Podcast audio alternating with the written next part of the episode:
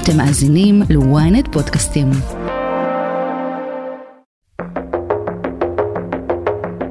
خوات الذي يجب أن يخشى من الحرب الذي يجب أن يخاف من الحرب هو إسرائيل حكومة العدو وشعب العدو ومستوطنو العدو למרות שהלוחמה של חיזבאללה בצפון מסבה לישראל נזקים כבדים, האיום של נסראללה עדיין מכונה לוחמה ברף הנמוך. בישראל יודעים כי בידי חיזבאללה טילים ארוכי טווח, קטלניים ומדויקים, שיכולים להגיע עד דרום הארץ. ليس الآن على حيفا وما بعد حيفا وما بعد ما بعد حيفا بل ما بعد ما بعد ما بعد حيفا אבל לא רק. חיזבאללה, בדומה לחמאס, כבר שנים ארוכות בונה תוואי מנהרות מסועף, שרק נגד חלקו פעלה ישראל עד כה במבצע מגן צפוני. מה שראיתם עכשיו אה, הוא תיעוד מהבוקר. רואים בו את אנשי חיזבאללה שצולמו בתוך אה, מנהרת טרור שנחפרה לשטחנו. המנהרה הזאת כבר לא תשיג את מטרתה, וכך גם יהיה עם שאר מנהרות הטרור. איך נראות מנהרות חיזבאללה בתוואי השטח הסילאי של הצפון? עד כמה ישראל מודעת עליהן ומתמודדת מול האיום? והאם בכלל ניתן לטפל בהן כדי להשמידן? אני שרון קידון, וזאת הכותרת.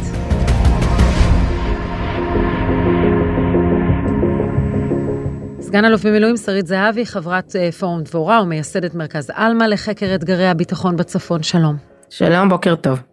אילו מנהרות יש לחיזבאללה מבחינת אורך, עומק? אנחנו כבר עכשיו מכירים את מה שיש לחמאס. האם אנחנו מדברים על אותו סדר גודל? לא, אנחנו מדברים על סדר גודל הרבה יותר נרחב, מכיוון שלבנון עצמה גם היא הרבה יותר גדולה. אנחנו מדברים על חמישה סוגים של מנהרות. מנהרות טקטיות שבעצם מאפשרות מעבר אה, בתוך כדי לחימה ממקום למקום בתוך השכונות, בתוך הכפרים. מנהרות אסטרטגיות שמאפשרות לחיזבאללה להעביר פעילים ואמל"ח מאזורים מסוימים בלבנון בהם הוא פועל. מנהרות נפץ שהן למעשה חסומות ויש בהן חומר נפץ שיכול להקריס את מה שיש מעל. מנהרות חוצות שלא יודעים אם עדיין יש או אין אבל יש סוג כזה חוצות גבול או התקפיות. ומנהרות מקרבות שלהערכתנו יש כאלה שפשוט נעצרות קרוב לקו הגבול. אפשר להגיד שמדובר במנהרות לא פחות מאיימות מאלה שיש לחמאס? בתרחיש של אה, פלישה קרקעית ללבנון, התשובה היא כן. זהו באמת אה, פרויקט מדהים של חפירה בסלע. כדי שנבין במונחים שאנחנו ככה יכולים לצייר בראש, תנסי לתאר לנו מהיכן להיכן יכולה להגיע מנהרה, נניח ביישובי הצפון, מטבריה עד קריית שמונה? במפת אה, היפוך הזאת אנחנו יכולים לדבר על חיפה טבריה, או לחילופין ראש הנקרא חיפה. בסדר? זאת אומרת, הרעיון הוא באמת, אה, ואפילו יותר, הרעיון הוא באמת לייצר רשת של מנהרות אסטרטגיות, אני מתעכבת רגע על הסוג של המנהרות האסטרטגיות, שמאפשרת לחבר בין הבאקה בלבנון, באזור uh, הגבול הסורי-לבנוני, לבין דרום לבנון, הן אזור צידון והן אזור צור ומטה, לבין ביירות, וכך בעצם לאפשר לחיזבאללה להעביר גם פעילים וגם uh, טילים בין אזורי הלחימה השונים, בהתאם לצורך המבצעי ובהתאם לתוכנית המבצעית. עד כמה הן קרובות uh, לגבול או אפילו חוצות אותו? תראי, במגן צפוני לפני כמה שנים צה"ל חשף שש מנהרות חוצות, ואמר שהוא למעשה חשף את כל המנהרות החוצות לאורך הגבול uh, הישראלי-לבנוני. האם יש מנהרות מקרבות? בהחלט יכול להיות. האם יש עוד מנהרות חוצות? אנחנו לא יודעים, אבל אין ספק שמבחינת חיזבאללה, אה, ברגע שנחסמו המנהרות החוצות, התוכנית של אה, חטיבות רדואן לקחה את זה בחשבון, ובעצם אה, התמודדה עם זה בתכנון של פלישה מעל הקרקע. הם פרסמו את זה בגלוי, כן, אני לא מדברת פה על איזה משהו סודי, ואולי יכול להיות שזה אפילו עיכב אותם קצת. לגבי מנהרות מקרבות זה סיפור מאוד מאוד מעניין, כי מנהרה כזאת בעצם מאפשרת להם להופיע מאוד מאוד קרוב לגדר, ואז לנו יש זמן התראה הרבה יותר קצר. אנחנו יודעים משהו על עד כמה הן מאובזרות, אה, טקטיות, המנהרות של חיזבאללה, כי כפי שראינו אצל חמאס, פגשנו חוות שרתים בתוך מנהרה של חמאס מתחת למטה אונר"א. המנהרות של חיזבאללה מאובזרות אה, לפחות אה, באותה רמה. יש בהם חדרי פיקוד ושליטה, מחסני אמל"ח ואספקה, מרפאות, פירים לטילים. זה אומר שייפתח פיר, יירה טיל, ייסגר חזרה, לא נדע לראות את הדבר הזה. יש שם חדרי שהייה, הדברים האלה קיימים אצל חיזבאללה שנים ארוכות. חשוב לי להגיד, פרויקט המנהור של חיזבאללה הולך אחורה עד סוף שנות ה-80. בסוף שנות ה-90 אנחנו רואים בכירים של חיזבאללה שמגיעים לצפון קוריאה ללמוד את הנושא הזה, ומאז יש מעורבות עמוקה של הצפון קוריאנים בסיפור הזה. ובאמת המודל הוא מודל שמאפשר לחימה תת-קרקעית ושהייה בתוך המנהרות. חיזבאללה בעצמו אגב פרסם מנהרות שהוא עשה בהם שימוש ב-2006, ורואים שם בצורה מאוד ברורה את החדרי שהייה ואחסנת הטילים. הכל יצא החוצה, הכל נמצא שם, רק צריך להסתכל. זה נמצא גם באזורים הבנויים וגם באזורים הפתוחים אה, בדרום לבנון וגם כמו שאמרתי באזורים אחרים. אפשר לראות כבר שנכנסתם לחדר הראשון, רואים כל מיני עיגולים על הקיר. העיגולים האלה זה בעצם תוצאות של הקידוח שנעשה על ידי הכוס הזאת. זה כוס שמחוברת למכונת קידוח, יושבת על חמור ופשוט נכנסת, מושכת את הקור, מסובבת, שולפת אותו החוצה. אנחנו יודעים שבצפון תוואי הקרקע הוא שונה לחלוטין. הוא מורכב יותר לוגיסטית, אז איך הם הצליחו לכרות מנהרות אה, בסלע הקשה של הצפון? תראי, כשנמצאו המנהרות אה, לפני כמה שנים, המנהרות החוצות, נמצא גם המקדח. ומסתבר שכשיש לך הרבה זמן, והיה להם, כמו שאמרתי, הרבה יותר זמן מאשר לחמאס, אז אתה יכול להתקדם 40 סנטימטר ביום, עם מקדח אה, לא מאוד מורכב ולא מאוד גדול, בגודל של 40 סנטימטר, ממתכת, שחופר בתוך הסלע. מן העבר השני אתה לא צריך אה, פרויקט של ביטון המנהרות, המנהרות האלה אינן מבוטנות, אין בהן מלט, מכיוון שזה סלע. once חפרת אותם צריך לשים קצת תומכות, ובזה נגמר הסיפור. והטכנולוגיה הצפון קוריאנית בעצם אה, אפשרה להם לעשות את הדבר הזה, כי הם ראו, בצפון קוריאה רואים בדיוק איך זה נעשה. אה, גם בצפון קוריאה המנהרות היו בתוואי הררי וסלעי, כשהסלע בצפון קוריאה היה סלע אפילו אה, יותר מוצק מהסלע הגיר שאנחנו מכירים פה בגליל. וההנחת עבודה שלנו היא לא הוכיחה את עצמה. בסופו של דבר, אפשר לחפור גם בסלע קשה. אפשר לעשות את זה. אולי זה לוקח יותר זמן או יותר כסף, אבל אפשר לעשות את זה.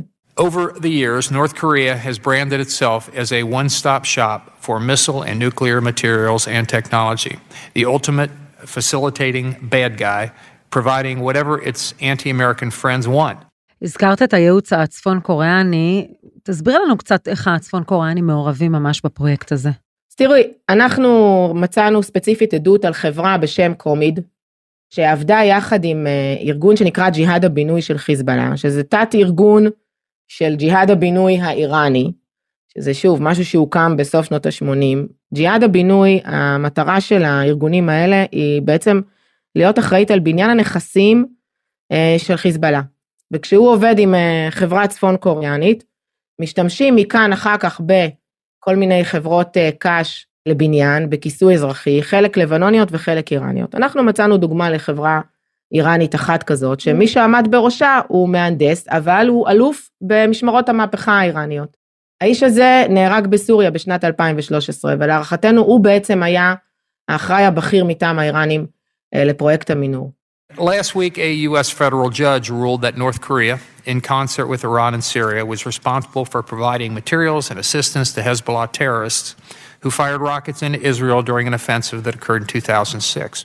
הדבר המעניין הוא שכבר בשנת 2008 היה שימוע בקונגרס על שיתוף הפעולה בין חיזבאללה לצפון קוריאה.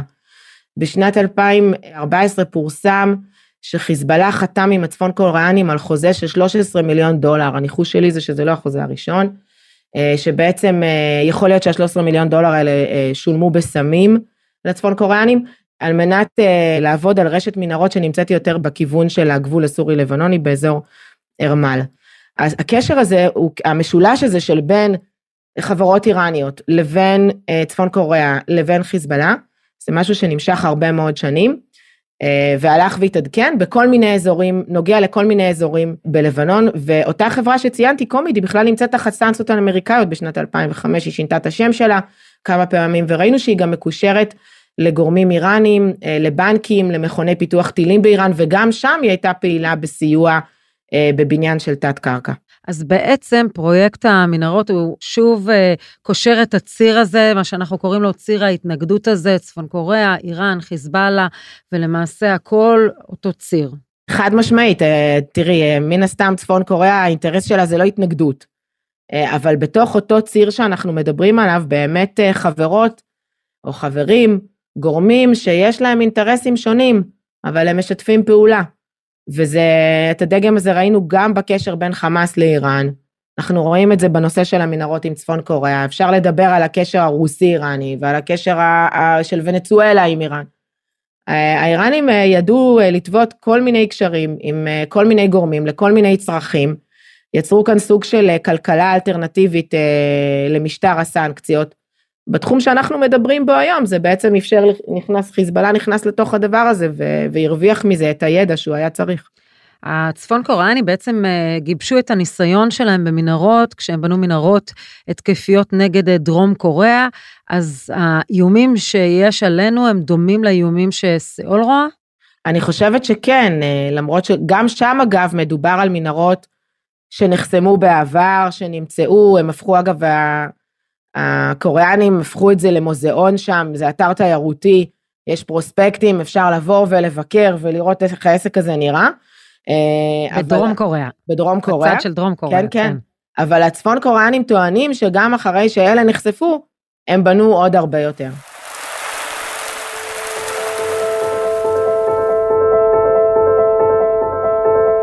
החוף החולי של עזה היה יכול להיות אתר תיירות.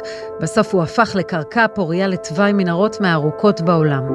אבל בצפון הפסטורלי, אתר תיירות אמיתי שכרגע הכי רחוק מפסטורליות ותיירות, יש קרקע אחרת לחלוטין.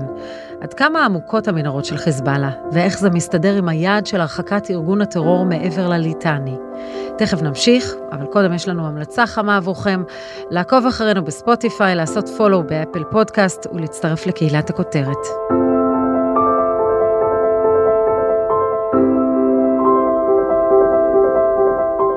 דוקטור עמיחי מיטלמן מהמחלקה להנדסה אזרחית באוניברסיטת אריאל, בוא קודם כל נסביר על ההבדל בתוואי השטח בצפון לעומת הדרום. כן, אז שלום. אז קודם כל, בדרום, כמו שכולנו מכירים, זה קרקע שעל פני השטח היא יותר חולית, וככל שמעמיקים, זה הופך להיות סוג של כורכר, סלע רך, שהוא קל לחפירה. אה, לעומת זאת, בצפון אנחנו בתוואי גיאולוגי של סלע, הרבה סלע בזלת קשה, אה, ושם זה בעצם, זה כבר לא חפירה, זה חציבה לכל דבר. אז אנחנו מדברים על אה, משימה מורכבת יותר עבור חיזבאללה לבנות מנהרות בתוך תוואי שטח סילי. בגדול כן, אם אני מסתכל על המאמץ המכני שצריך להשקיע והקצב התקדמות, אז כן, לחיזבאללה יותר קשה. מצד שני יש פה trade off שסלע הוא יותר יציב, אה, הוא יותר חזק, ככה שהוא מספק להם אה, מיגון הרבה יותר אה, קשיח, אז, ופחות גם אם רוצים לעשות מנהרות גדולות, אז זה דווקא יותר קל בסלע, כי הסלע הוא יציב יותר מאשר הכורכר. ועכשיו שאלת השאלות, איך מתמודדים עם מנהרות שנחצבות בסלע, אפשר להשמיד, לטפל בהן באותה צורה שאנחנו מטפלים כרגע במנהרות החמאס בדרום? קודם כל צריך להבין שבאופן כללי ההתמודדות עם מנהרות היא סוגיה קשה ולהבנתי גם לא פתורה, כלומר גם בדרום יש לנו מה להשתפר, בצפון זה עוד יותר מאתגר, אה, שוב גם מבחינת טילים הם פחות חודרים לסלע, אה, פיצוצים פחות אה, פוגעים בסלע, אני באופן כללי מטיף לפתרונות של אטימה, שיש לנו מה להשתפר באפיק הזה, ואז זה ייתן לנו פתרון גם לדרום וגם לצפון. אבל כשאנחנו מסתכלים על פתרון שכבר פורסם שישראל עושה בו שימוש, הצפה של המנהרות עם מי ים, זה יעבוד כאן? המחשבה על הדרום היא שונה לחלוטין, כי אנשים מדמיינים קרקע שאפשר להעלות את המפלס מי תהום. אה, בצפון אה, זה, זה, זה אופרציה אחרת, זה, זה סלע, סלע, המים בכלל לא זורמים בדיוק דרך הסלע, רק דרך סדקים מסוימים בו. אה, באופן כללי, כל פתרון שמסתמך על גיאולוגיה הוא נתון לטעויות ולאי ודאות. אז אם אתה צריך לדבר על פתרון עתידי שצריך לפתח על מנת להתמודד עם האיום, מהו בעיניך הפתרון הצבאי שיכול אה, למנהרות הללו? זהו, באמת יש לנו את התקדים של מגן צפוני, ש... אה, מה שצה"ל עשה שם, הוא הלך אה, על אטימה בעזרת אה, בטון מיוחד ש... שאטם את המנהרות, וככה בעצם אתה לוקח אותם אחורה, בתוך כמה ימים אתה לוקח אותם כמה שנים אחורה, אז זה פתרון מעולה בהקשר הזה, יש מה להוסיף ולשכלל את הפתרון הזה, להפוך אותו ליותר זול, ליותר, עוד כל מיני תכונות, זה משהו שנשאר, צריך, או צריך יותר טיפול ופיתוח. אחד המחדלים גם בהקשר של מנהרות חמאס בדרום היה העובדה שלא הצלחנו לעלות כנראה על היקף החפירות. הם העמיסו את החול על משאיות והוציאו אותן החוצה ונפטרו מהתוצרים שהם הוציאו מהמנהרות. האם גם כאן אפשר להסתיר מפנינו את החפירות, או שאת הסלע קשה יותר להסתיר? אה, בסופו של דבר, איך שלא יהיה, ברגע שאתה עושה מנהרה, אתה מייצר, אה, מה שחפרת אתה חייב להוציא החוצה. אה, אתה גם לא תזרוק את זה לפח, כי זה חומרי בנייה, בפרט בצפון, זה חומרי מחצבה בעצם, שאפשר לעשות בהם שימוש לכבישים ובטונים. אז סביר להניח שיש איזושהי תנועה שהיא מוסתרת בצורה כזאת או אחרת דרך מבנים וסככות, אבל היא לא יכולה להיות מוסתרת לחלוטין, כי בסוף זה צריך להיפגש באיזשהו אה, צומת מסחרי. אז עד שנעבוד על פתרונות יותר אה, מתקדמים כדי למעשה לחסל את המנהרות, איך יחזרו את תושבי הצפון אם עדיין לא מיגרו את כל איום המנהרות? אה, זו שאלה מצוינת. הצפון בעצם נתון לכמה איומים, אבל בעוד שאת החבר'ה שיורים נ"טים שהם על פני השטח, מנהרות זה משהו שיכול לצוץ מנהרה חודרת. למעשה יש כל מיני כיוונים טכנולוגיים, אין פתרון שיכול לתת 100% אה, שקט אה, בהקשר הזה, לפחות נכון להיום. אבל המשמעות, לדוגמה, של מכשול תת-קרקעי, כפי שהיה בדרום, ניטור, מערכת ניטור כלשהי, דברים כאלה יכולים להוות פתרון?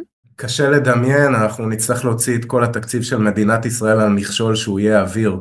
כי בסופו של דבר הם נכנסו בעומקים של 80 מטר ואין להם בעיה גם לעשות יותר מזה, ולכן כמה שלא נרד עם המכשול, שזה מאוד יקר, אה, עדיין יהיה אפשר לעבור מתחתיו.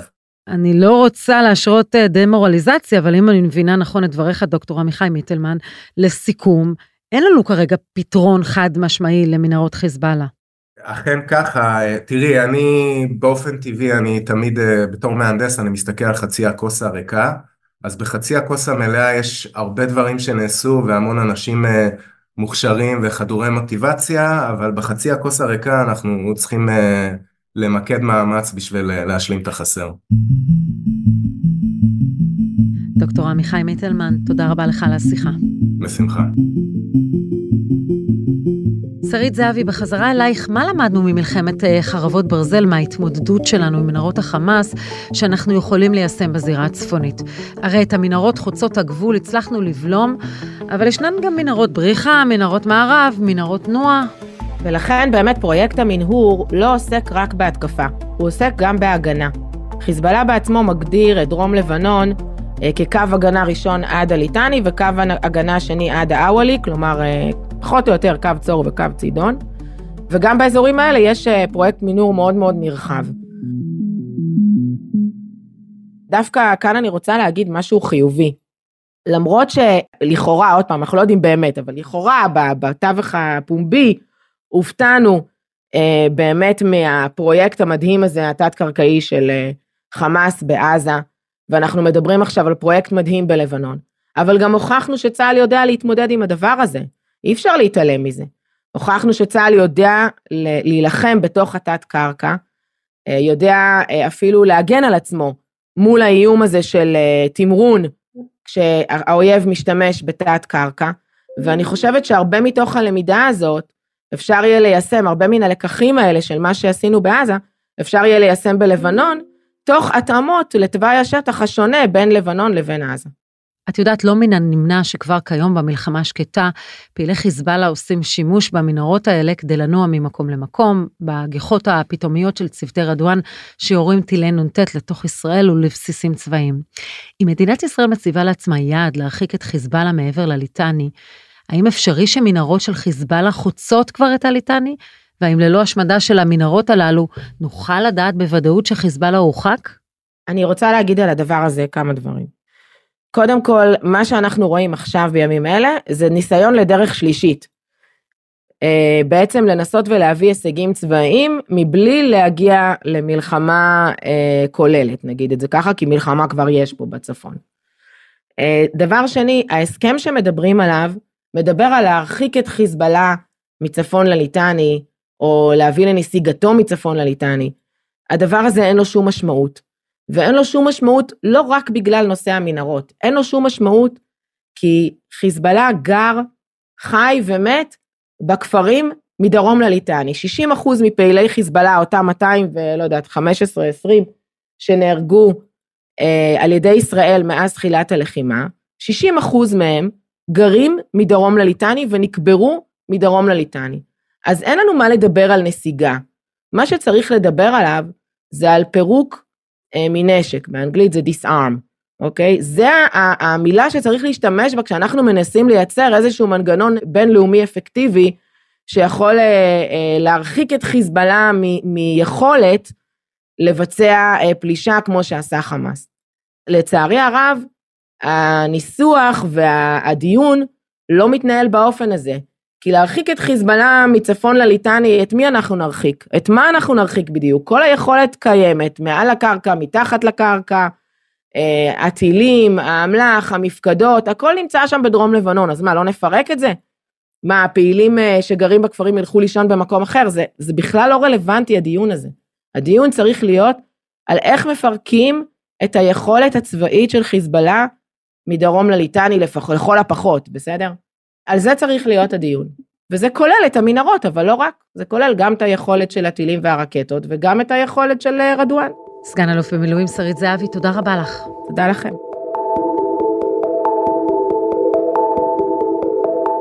ועד כאן הכותרת להפעם, אם עדיין לא נרשמתם לעקוב אחרינו באפל או בספוטיפיי, כדאי לכם. אתם מוזמנים לדרג אותנו, להגיב לנו, אנחנו נשמח לקרוא. את הכותרת אפשר למצוא גם באתר ynet או באפליקציה בנייד וברכב. אם הגעתם עד פה, אתם מוזמנים להאזין לפרק נוסף שלנו על ההרס העצום בעקבות המערכה עם חיזבאללה. חפשו את הפרק המחיר של המלחמה השקטה בצפון. תחקיר הפקה ועריכה גיא סלם ועדן דוידוב. אני שרון קידון, שמרו על עצמכם.